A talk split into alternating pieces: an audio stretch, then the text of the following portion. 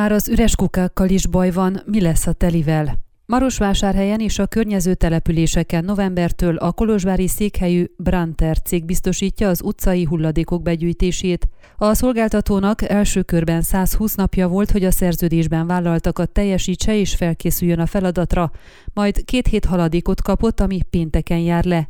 Mindez azt jelenti, hogy ha csak változás nem történik, legkésőbb hétfőtől elkezdi biztosítani a háztartási és szelektív hulladékok begyűjtését, ez utóbbiakat egyelőre csak a magánházaktól.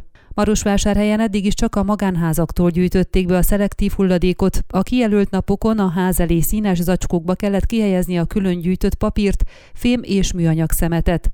Az új szolgáltatónak kötelessége kukákat biztosítani a különböző hulladékoknak, ezek kiosztását el is kezdték. A folyamat azonban nem várt bonyodalmakat okozott. A közösségi oldalakon megjelent beszámolók szerint vannak, akik a kijelölt időpontban nem voltak otthon, így nem tudták átvenni a színes kukákat. Nekik most egyénileg kell megoldaniuk a 240 literes sárga és 120 literes barna, illetve fekete kukák elszállítását.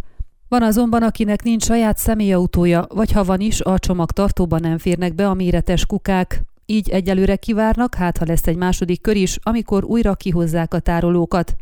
Mások, noha otthon voltak, nem vették át a kukákat, egyesek azért, mert nem tudták, hogy pontosan miről van szó, mások pedig azért, mert azt mondták, hogy nincs helyük az amúgy is kicsi udvarukon. Voltak, akik azzal utasították vissza a kiszállított kukákat, hogy nekik nem kell, ők ezután is színes zacskókban teszik ki a szemetet. Arra is többen panaszkodtak, hogy nem kaptak megfelelő tájékoztatást, illetve a hátrahagyott lapon megjelölt telefonszámon senki nem jelentkezik. A kukák kiosztásáért felelős Tarca Norbert a Székely Honnak elmondta, több napig hirdették, hogy ki fogják szállítani a tárolókat, amiket a magánházban lakók kötelesek átvenni. Ennek ellenére számtalan nehézségbe ütköztek, a marosvásárhelyiek tájékozatlanok voltak, és akadt, aki egyenesen megtagadta a kukák átvételét.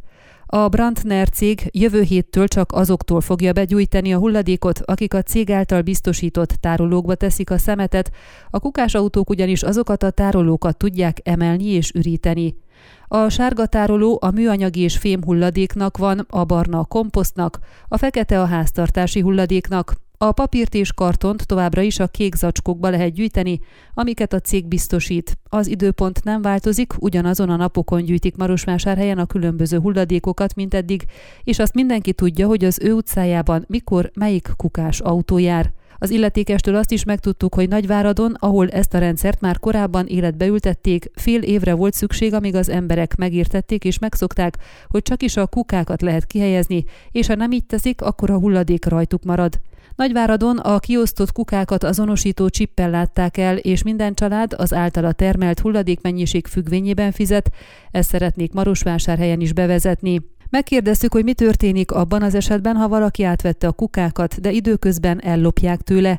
Tarca Nobert azt mondta, újakat kell vásárolni. Ami a tömbházakban élőket illeti, november végéig fogják kicserélni a meglévő nagyméretű háztartási szemetes kukákat, és elkezdik a szelektív hulladék begyűjtésére alkalmas tárolók kihelyezését. Előre láthatóan decembertől kezdődik a szelektív hulladékgyűjtés az egész városban. Ön a Székelyhon aktuális podcastjét hallgatta. Amennyiben nem akar lemaradni a régió életéről a jövőben sem, akkor iratkozzon fel a csatornára, vagy keresse podcast műsorainkat a székelyhon.pro portálon.